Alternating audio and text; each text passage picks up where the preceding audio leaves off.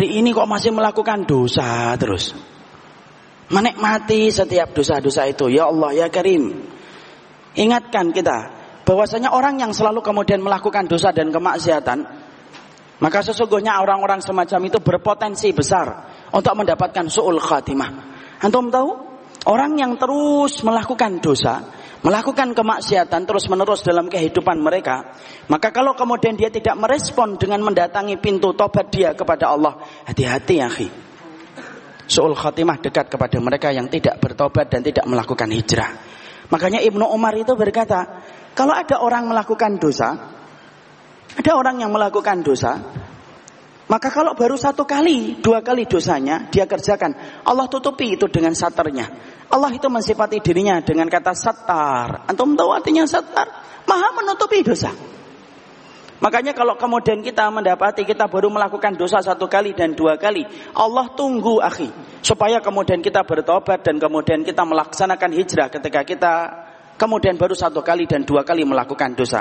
Makanya orang kalau baru satu kali dan dua kali berzina ditutupi sama Allah. Dosa itu tidak kelihatan oleh banyak orang. Kalau baru satu kali dan dua kali, tapi kalau orang terus-terusan sampai melakukan dosa, tidak berhenti-berhenti ketika dia melakukan kemaksiatan dan dosa, sampai kemudian akhirnya dia itu terus dan kemudian candu dengan dosa itu, maka kata Ibnu Umar, Allah akan memperlakukan dia dengan dua perkara. Satu, Allah mencabut tirai tersebut sampai dosanya akan kelihatan oleh orang lain. Makanya kalau ada orang berzina, minum khamr, kok sampai videonya tersebar, itu biasanya Khomernya tidak sekali. Zinanya tidak sekali. Tapi zinanya diulang-ulang, diulang-ulang, diulang-ulang. Sampai Allah cabut tirainya. Allah biarkan mata manusia melihat dosa yang dia lakukan ketika dia melakukan itu. Itu kalau orang kemudian tidak bertobat. Itu masih mendingan.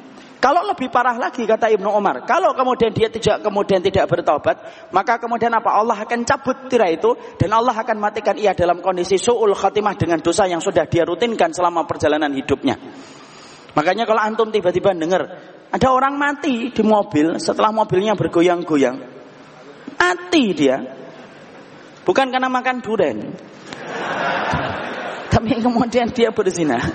Dia berzina di dalam mobil itu, maka kemudian wallah, walaupun kita tidak boleh menghujat setelah dia meninggal dunia, tapi kalau kita korelasikan perbuatan itu dengan apa yang disampaikan oleh kemudian Ibnu Umar, berarti zinanya bukan sekali, berkali-kali. Sampai kemudian Allah biarkan dia mati membawa dosa tersebut dan membawa kemaksiatan itu. Ada orang yang kemudian minum khamar oplosan sampai mati. Biasanya kalau di daerah pesisir pesisir Jawa, biasanya kalau habis Idul Fitri sering ada kejadian habis pesta minuman keras oplosan mati dua tiga gitu. Teman-temannya yang hidup berkata, kita baru sekali kok pak. Kalau baru sekali tidak mungkin Allah matikan antum dalam kondisi suul khatimah. Yang hidup, nah itu mungkin baru sekali.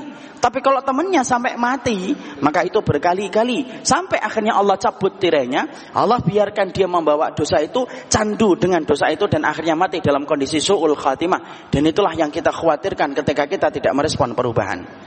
Makanya inilah ikhwan yang menjadikan kita memahami betul. Kita berarti dalam kehidupan ini, ketika kita sekarang mendapati ada gerakan para pemuda yang hijrah, gerakan pemuda-pemuda yang melakukan taubat, itu bukan satu hal untuk membanggakan dan menyombongkan diri. Tapi sesungguhnya ketika kita mendapati itu, di situ kita faham Perubahan itu merupakan bagian yang tidak terpisahkan dari sifat orang yang beriman karena Allah itu mencintai kita bukan hanya karena kita banyak sholat tapi Allah itu mencintai kita ketika kita banyak melakukan perjalanan tobat dan ketika kita hijrah kepada Allah meninggalkan dosa dan kemaksiatan itu. Sudah akhi. Tinggalkan. Sudahlah. Orang yang masih sering bersembunyi-sembunyi melakukan kemaksiatan tinggalin. Ada orang-orang yang sering menjadi walinya Allah ketika di tengah keramaian. Kalau di tengah keramaian, solihnya luar biasa. Nanti ketika di tengah kesepian, masya Allah dia menjadi walinya setan. Tinggalin, akhi. Kalau kemudian kita tidak meninggalkan perbuatan dosa yang telah kita rutinkan ketika menjadi candu, maka Allah akan matikan kita dalam dosa itu karena Allah betul-betul berlepas diri dari mereka yang telah menjadikan dosa dan kemaksiatan menjadi candu dalam hidupnya. Dan itulah yang kita harus pahami. Makanya Allah tidak pernah memerintahkan kita untuk bergegas kecuali ke surga. Antum kalau dapati di dalam surat Ali Imran 133, Allah mengatakan wasari'u ila magfiratim mir rabbikum wa jannah. Allah menyampaikan kata wasari'u itu artinya bergegas. Tahukah antum? Ketika kita diperintahkan sholat, Allah tidak pernah mengatakan bergegas. Allah cuma katakan ya ayyuhalladzina amanu aqimus sholah, tegakkan sholat. Ketika kita diperintahkan puasa, Allah cuma mengatakan ya ayyuhalladzina amanu kutiba alaikumusiyam kama kutiba alal ladzina min qablikum la'allakum tattaqun. Ketika kita diperintahkan untuk haji, Allah cuma mengatakan walillahi 'alan nasi hajjul bait man istata'a ilaihi sabila. Lihat, salat Allah tidak mengatakan bergegas. Puasa Allah tidak mengatakan bergegas. Antum tahu dalam perintah apa Allah mengatakan kita bergegas dan berlomba-lomba? Satu, akhir wasari'u ila magfiratim mir rabbikum. Allah itu mengatakan kita bergegas, berlomba-lomba hanya pada satu perkara, yaitu ketika kita diperintahkan untuk bertobat kepada Allah, di situlah Allah mengatakan wasari'u dengan sabiku, sari'u bergegas, sabiku itu berlomba-lomba. Makanya betul kata Ibnu Rajab Al-Hambali, kalau antum tidak mampu menandingi orang solih di dalam sholatnya, rakaatnya antum tidak mampu sebanyak rakaat yang dia laksanakan ketika sholat. Antum tidak mampu menandingi orang solih di dalam puasa sunnahnya. Antum ingin puasa Dawud sebagaimana orang solih. Antum puasa Senin melewati perempatan jalan, lihat warung makan, gemeter langsung. Melihat es teh berembun dikit, aduh langsung batal puasanya. Antum tidak mampu menandingi orang solih di dalam puasanya. Antum tidak mampu menandingi orang solih di dalam sedekahnya. Maka tandingi orang solih dalam istighfar dan taubatnya. Karena sekalinya kita ikhwan diampuni oleh Allah satu kali saja. Maka surga seluas langit dan bumi akan kita pijak kaki kita di dalamnya selama kemudian kita telah diterima tobat kita dan telah diampuni dosa-dosa kita. Makanya tidak ada yang dibutuhkan manusia kecuali adalah diampuni dosa-dosanya dan kemaksiatannya dan itulah inti dalam perjalanan iman. Bagaimana menjadikan dosa kita diampuni oleh Allah Subhanahu wa taala. Makanya syaitan itu paling tidak suka kalau ada orang yang kemudian ingin bertobat.